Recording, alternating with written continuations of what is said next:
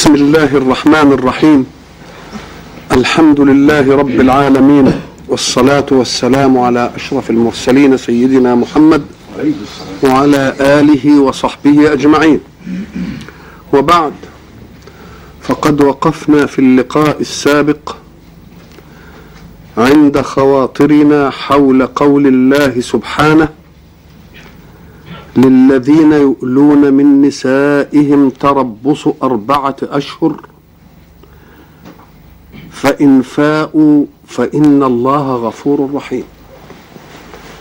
وقلنا في هذه الخواطر إن الإسلام أراد أن يبني الحياة الزوجية على أسس واقعية.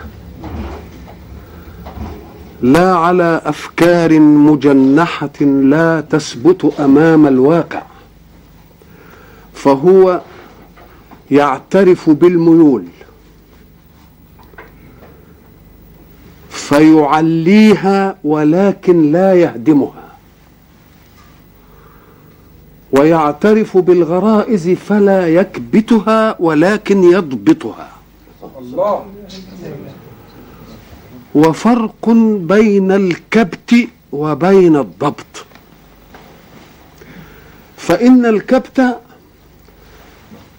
يعمل الداء فيه خفيا حتى يتفجر في كل نوازع النفس الإنسانية تفجرا على غير ميعاد بدون احتياط. ولكن الانضباط يعترف بالغريزة ويعترف بالميول ويحاول فقط أن يهديها ولا يهدها. والبشر في كل أعمالهم يخضعون لهذه النظرية حتى في صناعتهم فالذين يصنعون المراجل مثلا يجعلون في المراجل التي يمكن أن يضغط فيها الغاز ضغطا يفجرها يجعلون لها متنفسا حتى يمكن أن يخفف ضغطا إن كان. وقد يصنعونها آلية أوتوماتيكية يعني لا يتدخل العقل فيها بل الآلة هي التي هي التي تحكمها. فالحق سبحانه وتعالى يعرف في خلقه الذين خلقهم وشرع لهم تكوين الأسرة على أساس سليم بناه أول ما بناه على سلامة العقيدة ونصاعتها ووحدتها حتى لا تتوزع المؤثرات في مكونات الأسرة. فمنع أن يتزوج المؤمن مشركا ومنعنا أن نزوج المشرك المؤمنة مشركا. وبعد ذلك نظرا لأن الالتحام في عملية النكاح لا تنكح ولا تنكح. عملية تفهم الإنسان معنى الالتقاء الغرزي فأراد سبحانه أن لا يطلق العنان للغريزة في كل زمان التواجد الزوجي. فقال فيه فترة من الفترات أنا أحرم عليك. اعتزل النساء في المحيض لأن ده أذى. إذا يريد أن إيه؟ يضبطها. يريد أن يضبطها. ضبطا سليما نظيفا. وبعد ذلك علم الحق سبحانه وتعالى أن النفس البشرية ذات أغيار. وكل ما يكون حادث لازم يطرأ عليه تغيير. فإذا ما التقى الرجل بالمرأة؟ قلنا إن دواعي الالتقاء لا بد أن تحدد على منهج الله. لأنها إن حددت على منهج البشر وعواطفهم فمناهج البشر متغيرة وموقوتة. ولذلك يجب أن تكون على معايير على معايير الله. الله يعلم أن للنفس نوازع وتغيرات. من الجائز جدا أن يحدث خلاف بين الزوجين. فيجعل الله سبحانه وتعالى متنفسا يتنفس فيه الزوج للتأديب الذي ينشد التهذيب والإبقاء. فشرع له إن رأى في امرأته إدلالا بجمالها وبحسنها وقد يكون رجلا له مزاج خاص في هذه العملية شرع الله له فترة من الفترات ملكه فيها أن يحلف أن لا يقرب امرأته. ولم يجعلها حرية بل تحلف علشان يبقى مضبوط بإيه؟ يبقى مضبوط بيمين. لأنه يريد العلاج. يريد لو لم يكن مضبوطة بيمين يمكن في أي وقت لأي سبب.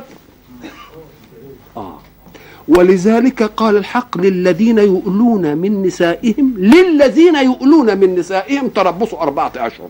لك أيها الزوج أن تحلف أن لا تقرب امرأتك أربعة أشهر. لكن زيادة عن أربعة أشهر ما يبقاش عملية تأديب بقى. دي عملية إضرار. وهو يريد أن يؤدب أدبا يبقي. فإذا ما تجاوزت المدة يقول له مالكش في دي بقى. والذي يدلنا على أن الحق سبحانه وتعالى هو خالق الغرائز والميول والعواطف ويقنن لها التقنين السليم أن الحق يترك لخلافة عمر. أن تبين لنا العلة. فيمر عمر رضي الله عنه في عسسه ليلا فيسمع امرأة في جوف الليل. تقول الأبيات المشهورة تطاول هذا الليل وامتد جانبه. ومن الجائز تقول وكيف سمع عمر وهو ماشي في الشوارع؟ المرأة التي تأتي عندها هذه الحال تترنم في سكون ليل. سكون الليل يبقى ما فيش ضجة يعني تبقى أي صوت. ألم يسمع المرأة وبنتها في مسألة اللبن؟ سمع. تطاول هذا الليل وامتد جانبه وأرقني يعني يعني يعني أطار النوم من عيني. أدي معنى الأرق. ألا خليل ألاعبه. فوالله لولا الله تخشى عواقبه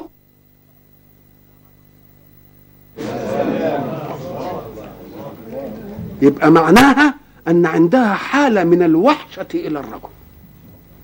ولكن تقوى الله التي منعتها. فذهب عمر رضي الله عنه بفطرته السليمة وألمعيته المشرقة إلى ابنته حفصة. وقال لها يا حفصة كم تصبر المرأة على بعد الرجل؟ كلام واضح كده. فقالت له يا أبت من ست شهور لأربعة فآل عمر على نفسه ألا يبعد جنديا من جنود المسلمين عن أهله أربعة أشهر. إذا فقول الحق سبحانه للذين يولون من نسائهم تربصوا أربعة أشهر سبق عسس عمر. وقال هو له الحق إنه يمتنع أربعة أشهر. وبعد ذلك يطلب يترك الحق لواقع الحياة أن أن يصدق الله فيما إيه؟ فيما قال فعمر يستنبطها كده ويجيبها وتبقى المسألة إيه؟ مسألة سليمة فإن فاء في الأربعة أشهر يكفر عن يمينه وتنتهي المسألة وإن لم يفي نقول له طلق بقى حلو خلاص بعد المسألة إيه؟ وصلت إيه؟ إلى الحد واختلف العلماء تطلق به طلقة بائنة أو طلقة رجعية المهم في طلاق. المهم في طلاق. بس الطلاق بائن ولا رجعي؟ إيه الفرق بين بائن وبين رجعي؟ طلاق رجعي من, من, من نفس اللفظ أن الزوج له الحق أن يراجع امرأته.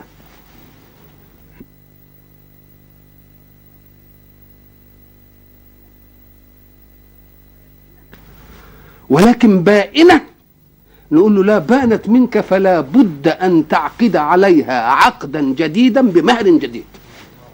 ادي الفرق بين الإيه؟ بائنة والرجعية. والبائنة دي بينونة في بينونة صغرى اللي هي تحتاج إلى إيه؟ عقد ومهر جديدين. وفي بينونة كبرى اللي هي ذات السلاسل. اتطلقت ثلاث مرات بقى نقول له لا ده بينونة كبرى لا تصح مش بعقد ومهر جديد لا ده بزوج بقى يجي علشان بقى إيه؟ يحك مناخيرك. الحق سبحانه وتعالى يعرض هذه المسألة فيقول للذين يؤلون من نسائهم تربص أربعة أشهر. فإن فاءوا فإن الله غفور رحيم. خلاص؟ وإن عزموا الطلاق فإن الله سميع عليم. يعني هذه وهي وهذه. يبقى إذا الإسلام واقعي يعطي للبيت المسلم أشياء تنفس عن غضبه. وأشياء تعطي له أن يؤدب أهله. ولكنه لا يحب أن يتمادى الرجل في إيه؟ التأديب. في التأديب. فإذا من انتهى نقول له والله ما دام تجاوزت أربعة أشهر بقى يبقى لابد أن يوجد حد إيه؟ يوجد حد فاصل.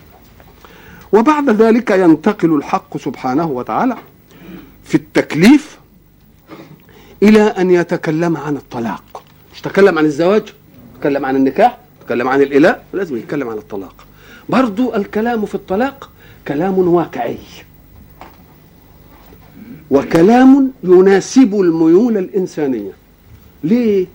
قال لك لأن إحنا ما دام أغيار أيضا من الممكن أن يطرأ على حياة الزوجين أشياء لم تكن في الحسبان ساعة الإيه؟ ساعة الزواج ويجوز أن يكون الإنسان في ساعة الزواج مدفوع في غمار ناحية ملكة واحدة. وبعد ذلك ساعة يجيء واقع الحياة تملكه ملكات متعددة. يعني هو ساعة الزواج قد يسيطر عليه فقط المسألة الجنسية. بقية ملكات النفس وزواياها يمكن تبقى مهملة.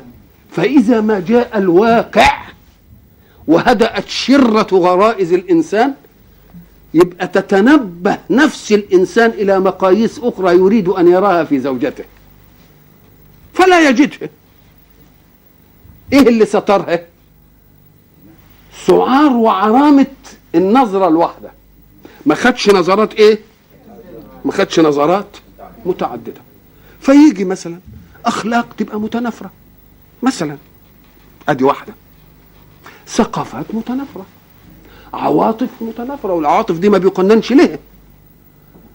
من الجائز أن يكون الرجل ليس عنده استعداد أن يكتفي بوليمة جنسية واحدة.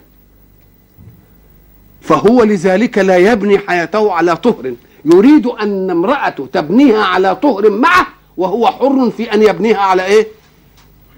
أو تكون المسألة بالعكس. الرجل يريد ذلك والمرأة لا تريد ذلك. ومن هنا يأتي الشقاء. الشقاء إن واحد منهم يكون عايز الأمور تمشي نظيفة طاهرة مستوفية والآخر لا. ربما لو كانوا الاثنين هم يعني عايزينها تبقى وحشة يمكن يغطرشوا ويصهينوا على بعض. وربما رأينا مثل هذه الصور. البيوت تشقى إمتى؟ حينما لا تكون فيه وحدة أسرية. إن كانوا الاثنين كويسين تبقى على القوي برضه الاثنين أشرار هم يبقوا مرتاحين قوي إنما بعدين يجي الفساد بقى الفساد من الإيه؟ طوفاني إن كان واحد كده وواحد كده يبقى هو ده الإيه؟ هو ده. هو ده الشقاء. وهو ده اللي ممكن يتأتى فيه الإيه؟ الانفصال. ليه؟ لأنهم لو متفقين في جهة النظافة والخيرية والطهر. خلاص. لو متفقين في الناحية الثانية خلاص ما فيش حاجة. مش كده؟ على الأول لكن لو مختلفين من هنا ينشأ. فالإسلام يجي يشرع لكل الإيه؟ لكل الحالات. أروني بقى أسرة مكونة من زوجين لا يمكن أن يؤديا معنى كلمة الزواج من السكن ومن المودة ومن الرحمة ومن الحنان ومن العطف ومن الأمانة ومن حسن العشرة ومن ومن. ما فيش حاجة زي دي. ياتي قانون مهما كان قويا ليجمع متنافرين في هذه الأشياء؟ ما تتأتش ابدا. ولذلك يحاول القوم عبثا إنهم يجوا ويتأبوا على فترة فطرة الله في الإنسان. ويعملوا عملية إيه؟ سوفسطائية. يقول لك طلاق؟ يا سلام لا طلاق لا بلاش. نقول له يا شيخ أنت تقدر تحكم على اثنين أن يتعايشا ليكونا أسرة. وهم مش راضيين ويا بعض. إزاي دي تتأتى؟ تيجي إزاي؟ طب هبك أيها حكمت بأن لا طلاق وهو طلق. ماذا يكون الموقف؟ الموقف يبقى إيه بقى؟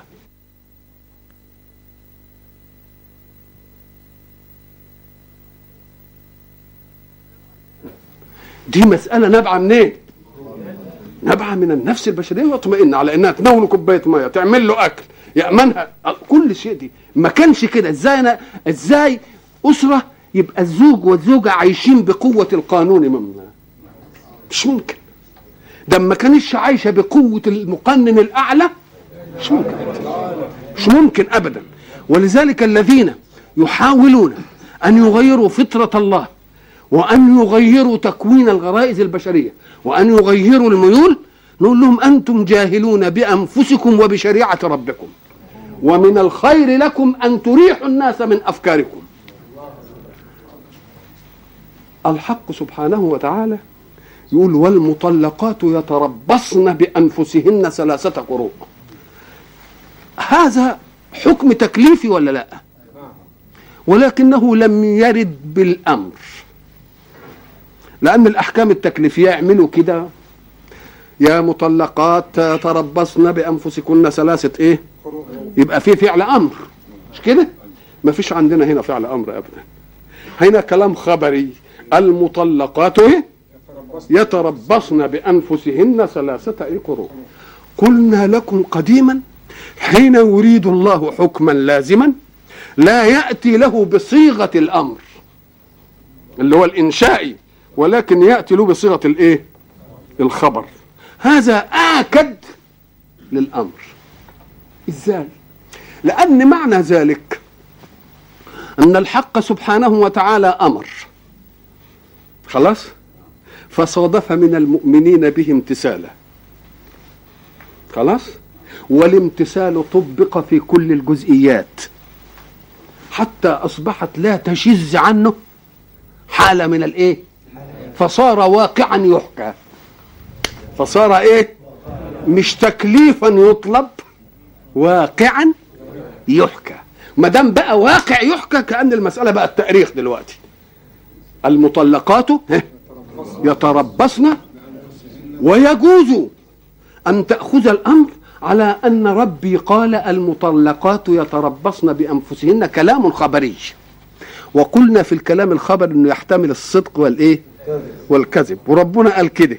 فاللي عايز يخلي ربنا صادق ينفذ الحكم ده. واللي عايز يبرز ربنا بقى, بقى كذاب ما يبرزوش. ما يقولش ما يعملوش. شوف إزاي الإلزام. إلزام التكليف يبقى هنا خبر ولا لأ؟ هنا. والمطلقات يتربصن بأم... اذكروا جيدا إن إحنا قلنا كلام زي ده عندهن الخبيثات للخبيثين. والخبيثون للخبيثات ده كلام خبري. نقول له لا ده هو تشريع إنشائي. يحتمل إنك تطيع ويحتمل إنك إيه؟ تعصي. ولكن ربنا بيقول القضية لازم تكون كده. القضية تكون إيه؟ كده. الخبيثات للخبيثين. يعني أنا أريد أن يكون الخبيثات للخبيثين والطيبات للطيبين مش معنى ذلك إن الواقع يبقى كده. الواقع يكون كذلك إن أطعتم ربكم. ولا يكون كذلك إن عصيتم إيه؟ زي حكاية إيه من دخله؟ كان آمنا. والمطلقات يتربصن بأنفسهن. شوف بقى كلمة يتربصن. ما معنى التربص؟ تربص الانتظار كده ب... قال لك إيوه. لأنها مطلقة. ومعنى مطلقة أنها مزهود فيها. أنها إيه؟ فتتربص إن العده بتاعتها تنتظر علشان تطلع لسانها زوجها ويروح واحد تاني يتجوزها شوف والمطلقات إيه يتربصن بأنفسهن وكلمة يتربصن بأنفسهن طب ما المطلقات هم أنفسهن لا كأن النفس الواعية المكلفة والنفس الأمارة يبقوا في صراع يبقوا إيه؟ في صراع في صراع بإيه؟ عشان إيه؟ آه علشان الوقت. يقول والمطلقات يتربصن بأنفسهن ثلاثة إيه؟ قروء. قروء. يعني إيه؟ جمع قر أو جمع قر والقرء أو القر هو يا الحيضة يا الطهر اللي بين الحيضتين. يا الحيضة يا الطهر اللي بين الإيه؟ اللي بين ال- ال- الحيضتين. هنا لما قال ثلاثة آه، قروء بين على أنه يقصد إيه؟ الطهر ولا الحيضة الطهر لأنه إيه؟ ما دام قال ثلاثة يبقى بالتاء. وإحنا نعرف إن التاء دي تبقى مع المذكر ولا تجيش مع مين؟ مع المؤنث. الحيضة مؤنثة. مفهوم ولا لأ؟ ودي تبقى إيه؟ يبقى اذا إيه؟ يبقى ثلاثة إيه؟ قروء يعني ثلاثة أطهار مت إيه؟ متوالية. العلة في ذلك إيه؟ العلة استبراء الرحم استبراء الرحم وأيضا إعطاء مهلة يمكن يحصل في النفس الإيه؟ شيء من المراجعة. شيء من الإيه؟ وتقعد تتكرر مرتين وبعدين في الثالثه تبقى إيه نهاية ما دام ثلاث مرات دي تبقى مسألة يعني مش ما فيش فيها فايدة. والمطلقات يتربصن بأنفسهن إيه؟ ثلاثة قروء شوف انظر إلى قول الحق سبحانه وتعالى ولا يحل لهن أن يكتمن ما خلق الله في أرحامهن.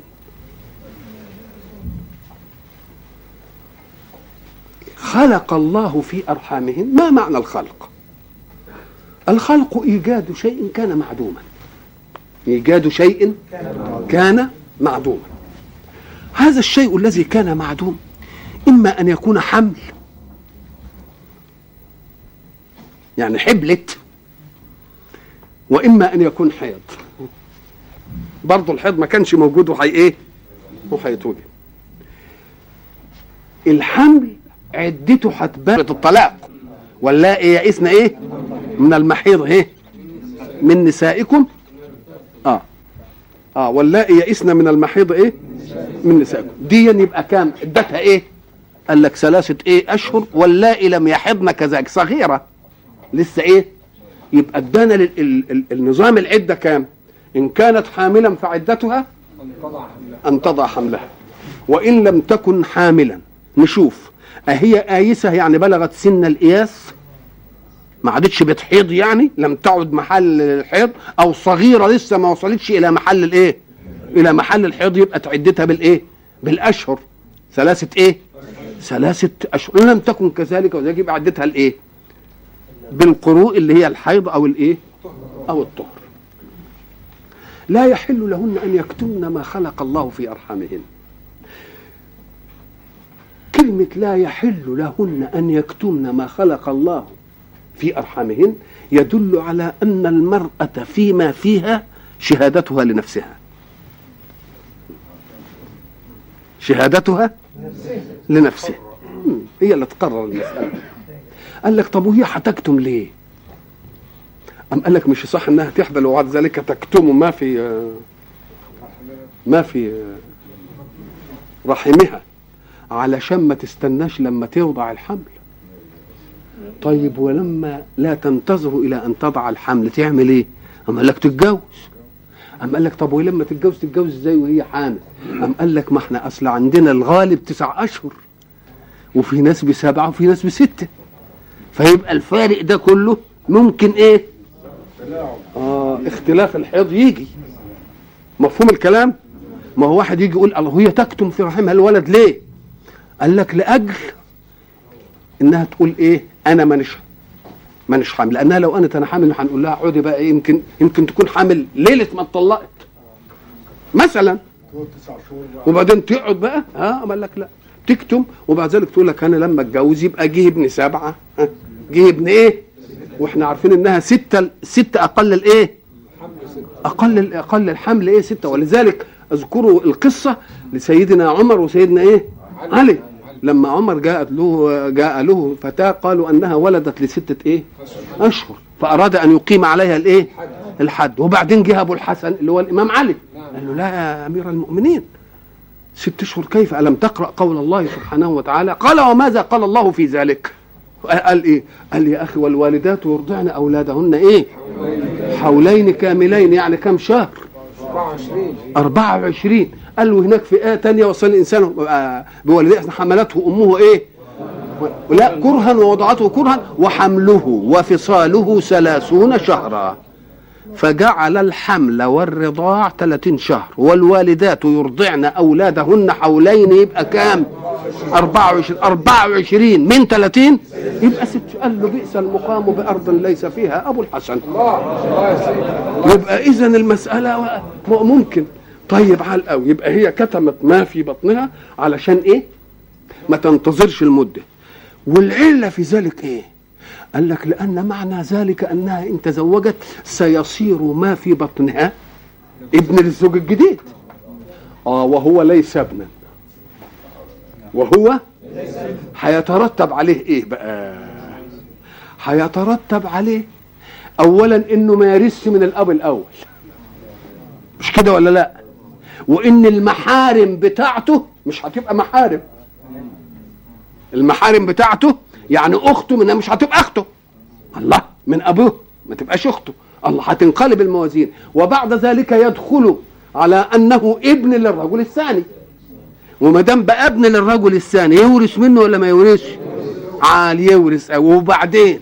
محارم الراجل الثاني هتبقى محارم ولا لا؟ يدخل عليها بلا حق ولا لا؟ ويشوف عورتها بلا حق ولا لا؟ تبقى اتلخبطت المسألة ولا لا؟ إذا لا يحل لهن أن يكتمن ما خلق الله في أرحامهن عشان تفضل الأمور مبنية على طهر وعلى إيه؟ شرف وعلى إيه؟ وعلى نظافة وما فيش واحد يعتدي على حق الإيه الثاني ولا يحل لهن أن يكتمن إيه؟ ما طب. وافرض إنها كتمت الحيض عشان تطول أمدها مع مين؟ مع الراجل دي تطول أمدها مع الإيه؟ مع الراجل مم.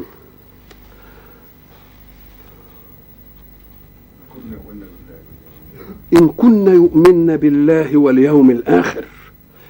اشمعنى قال إن كن يؤمن بالله واليوم الآخر؟ قال لك لأن دي مسألة خفية.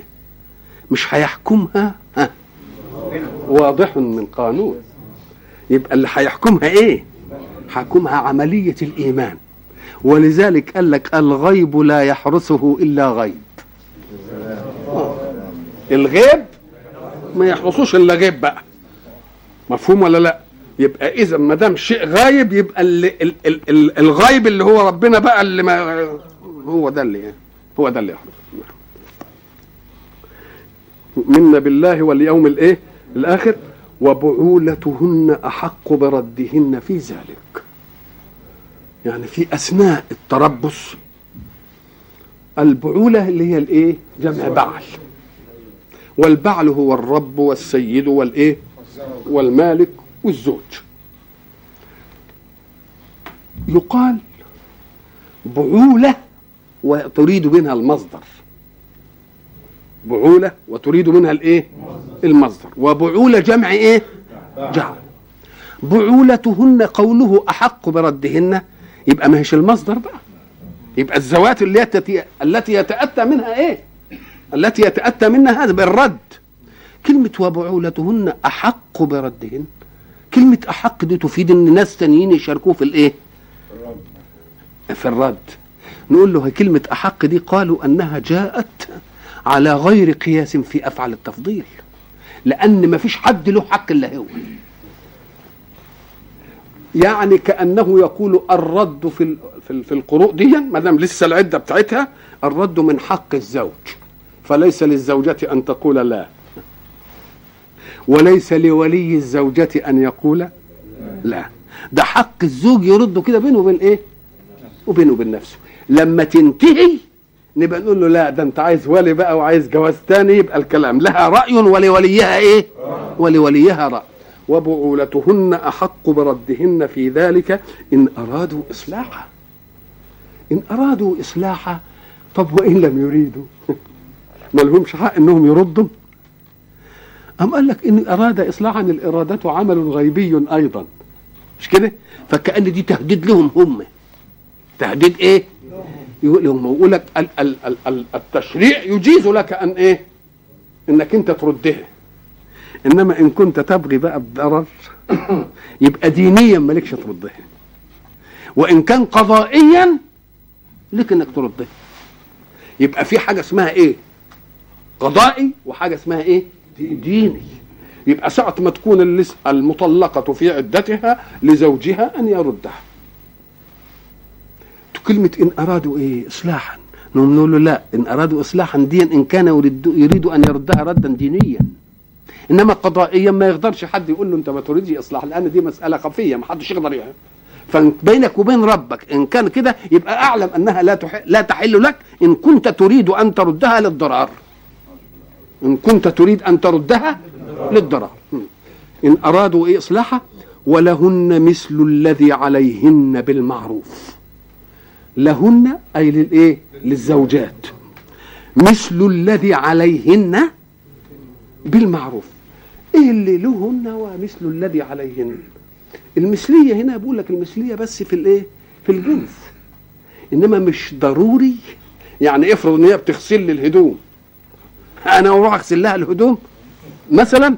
مثلا يعني. لا مش يعني في الجنس. أنت تقدم لها خدمة وهي تقدم لك إيه؟ وهي تقدم لك خدمة لأن الحياة الزوجية مبنية على إيه؟ على توزيع المسؤوليات. توزيع الإيه؟ المسؤوليات. معنى توزيع المسؤوليات إحنا قلنا ده هذا الكلام في حين قوله إيه؟ لتسكنوا إليها. وقلنا أن ال أن ال أن السكن إلى شيء يقتضي التحرك. معنى لتسكنوا إليها يعني إيه؟ يعني أنتم متحركين. وبعدين تيجوا ترتاحوا عنده تيجوا؟ يبقى اذا لك الحركة. مش كده؟ وهي تعمل إيه بقى؟ آه. تهيئ لك إيه حسن الإقامة. تهيئ لك جمال العشرة. تديك الحنان تديك العطف تديك البسمة. كل دي دي شغلتها هي. يبقى أنت لك مجال وهي لها إيه؟ وهي لها مجال. ولهن إيه؟ مثل الذي عليهن إيه بالمعروف فكأنها مسائل موزعة. حق هذا حقك واجب على غيرك. وحق غيرك واجب عليك. وللرجال عليهن درجة.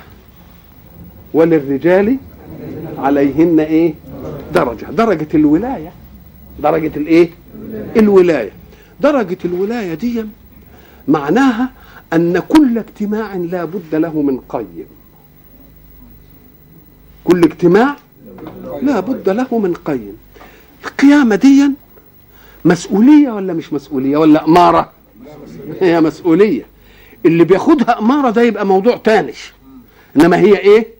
هي مسؤولية لتنظيم الحركة. مسؤولية لتنظيم الحركة. يبقى ما فيش فيه غضاضة إنك أنت تأتمر بأمر الست فيما يتعلق بمسألة الست. ما يقولش ما تقولش بقى أنا أنا قوام. أنت قوام لك مجالك. وهي لها وهي لها مجالها. والدرجة التي أنت من أجلها رفعت عليها أنك قوام أعلى في الحركة الإيه؟ وبما أنفقوا من أموالهم. وبما أنفقوا من إيه؟ من أموالهم. والله عزيز حكيم. الطلاق مرتان. دوك قال المطلقة. طب المطلقة دي إيه ده؟ ده بتكلم عن العدة أم قال لك والطلاق بقى؟ الطلاق ده مأخوذ من التحرر الانطلاق. فكأن الطلاق حل عقدة كانت موجودة وهي عقدة النكاح. مش كده؟ طلاق حل إيه؟ حل عقدة النكاح. أدي معنى الإيه؟ معنى الطلاق. حل عقدة النكاح. وإحنا قلنا إن عقدة النكاح دي العقدة التي جعلها الله عقدا مغلظا. أو الميثاق الغليظ. حين يأخذ الله ميثاق الإيمان ما سماهش ميثاق غليظ. ميثاق الإيمان ما سماهش إيه؟ ميثاق. إنما ساعة الميثاق في الزواج قال إيه؟ وأخذنا منكم ميثاقا غليظا. كلمة ميثاق غليظ ليه؟ ليه؟ لأنه أباح لبعضنا عورات بعضنا. ميثاق إيه؟ ميثاق غليظ. الحق سبحانه وتعالى يريد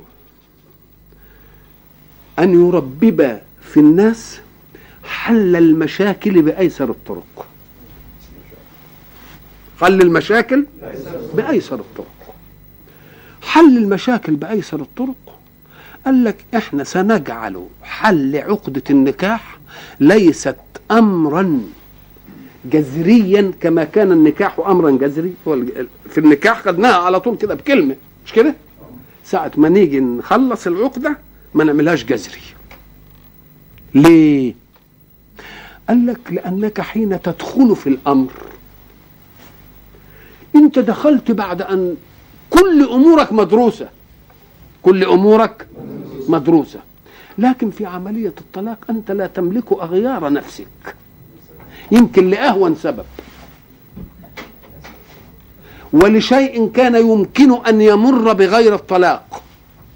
فيشاء الحق سبحانه وتعالى أن يجعل للناس اناة وروية في مسألة حل هذه العقدة. فقال الطلاق مرتان. ومعنى مرتين يعني مرة ومرة وبعد ذلك أمال كلمة ثلاثة فين؟ ما هو سئل النبي قال قالوا أنتم بتقولوا الطلاق ثلاثة هنا مرتان فأين الثالثة؟ فقال له الرسول وقد تبسم فإمساك بمعروف أو تسريح بإحسان فإمساك بمعروف أو تسريح بإيه؟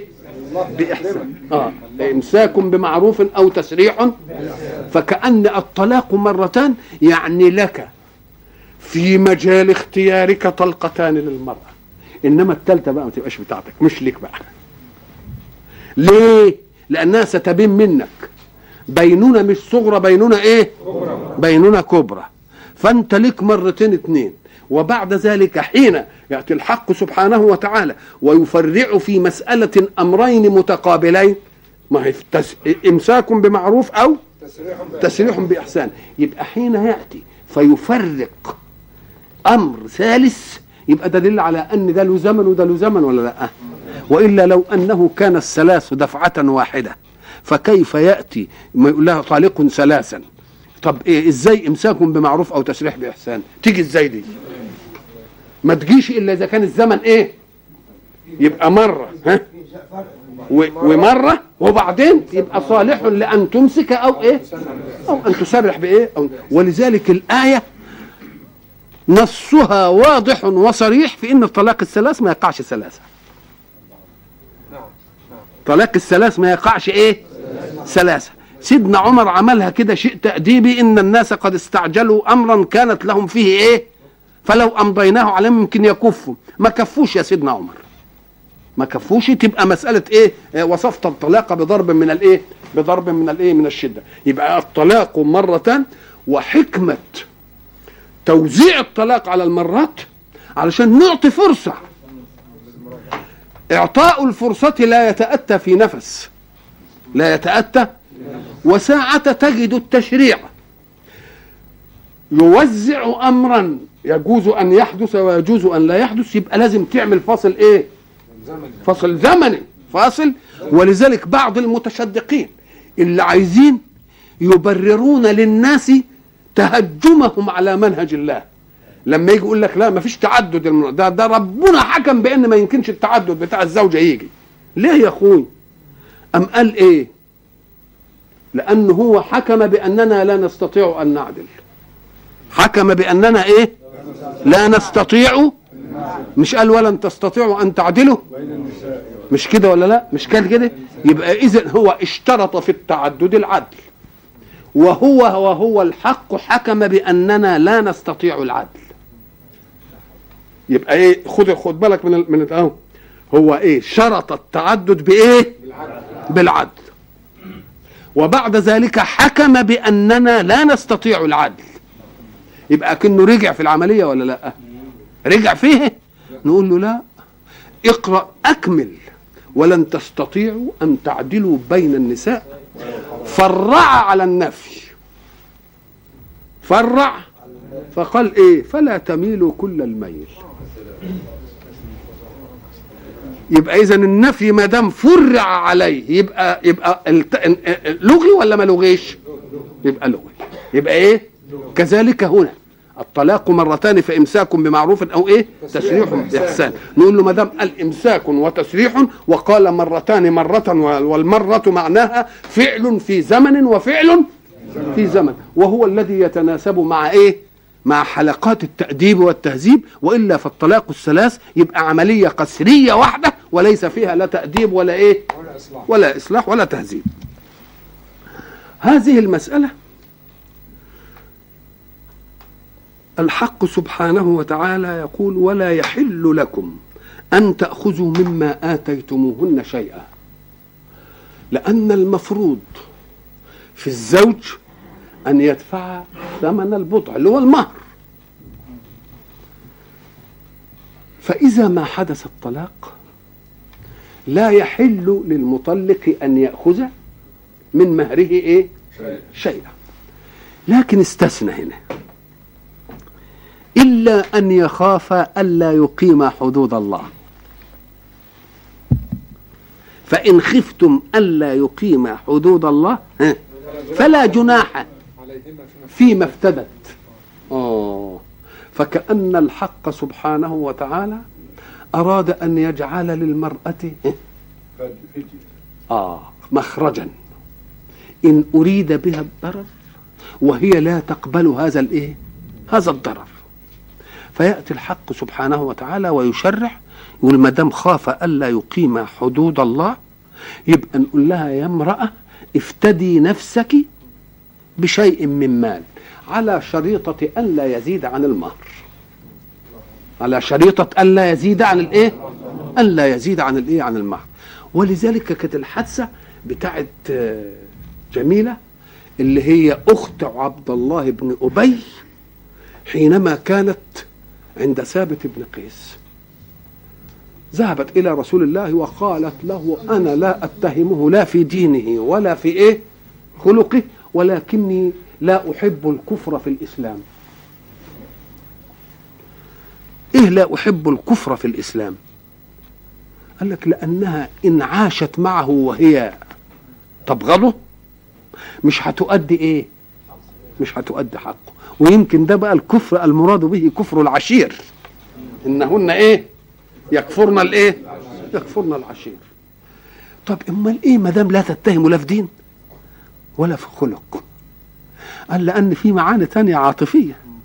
فأراد رسول الله صلى الله عليه وسلم أن يعلم منها ذلك فقالت لقد رفعت الخباء ستر الخباء فوجدته في عدة رجال. فرأيته أشدهم سوادا وأقصرهم قامة وأكثرهم دمامة. خلاص نفسي انقفلت من ناحية. نفسي. قال أتردين عليه حديقته؟ قالت وأزيد. قال لا. لا حاجة بنا إلى الإيه الزيادة ولكن يكفي أن تردي عليه إيه؟ حديقته. فردت الحديقة اللي بيسموه الخلع بقى. أن تخلع المرأة نفسها من زوجها التي تخاف أن لا تؤدي له حقا من حقوق الزوجية إنها تخلع تخلع نفسها منه بمال. هذا المال هو قدر ما إيه ما أداه حتى إيه لا يكون قد أصابه ضرر من ناحية إنه عايز يتجوز ثاني. عايز يتجوز ثاني. ولا يحل لكم أن تأخذوا مما آتيتموهن إيه شيئا اللي هي قال ربنا إيه قنطار. وآتيتم إحداهن إيه؟ قنطار. نعم. إلا أن يخاف ألا يقيم حدود الله. فإن خفتم ألا يخاف الزوجين. فإن خفتم ألا يقيم حدود الله يبقى هنا المجتمع له دخل. ولي الأمر له دخل. الأولياء لهم إيه؟ لهم دخل. فإن خفتم ألا يقيما حدود الله فلا جناح عليهما فيما افتدت به. تلك حدود الله فلا تعتدوها. ومن يتعد حدود الله فأولئك هم الظالمون. وقد تكلمنا عن الحدود وتعديها وعن الحدود والقرب منها. وإلى لقاء آخر إن شاء الله.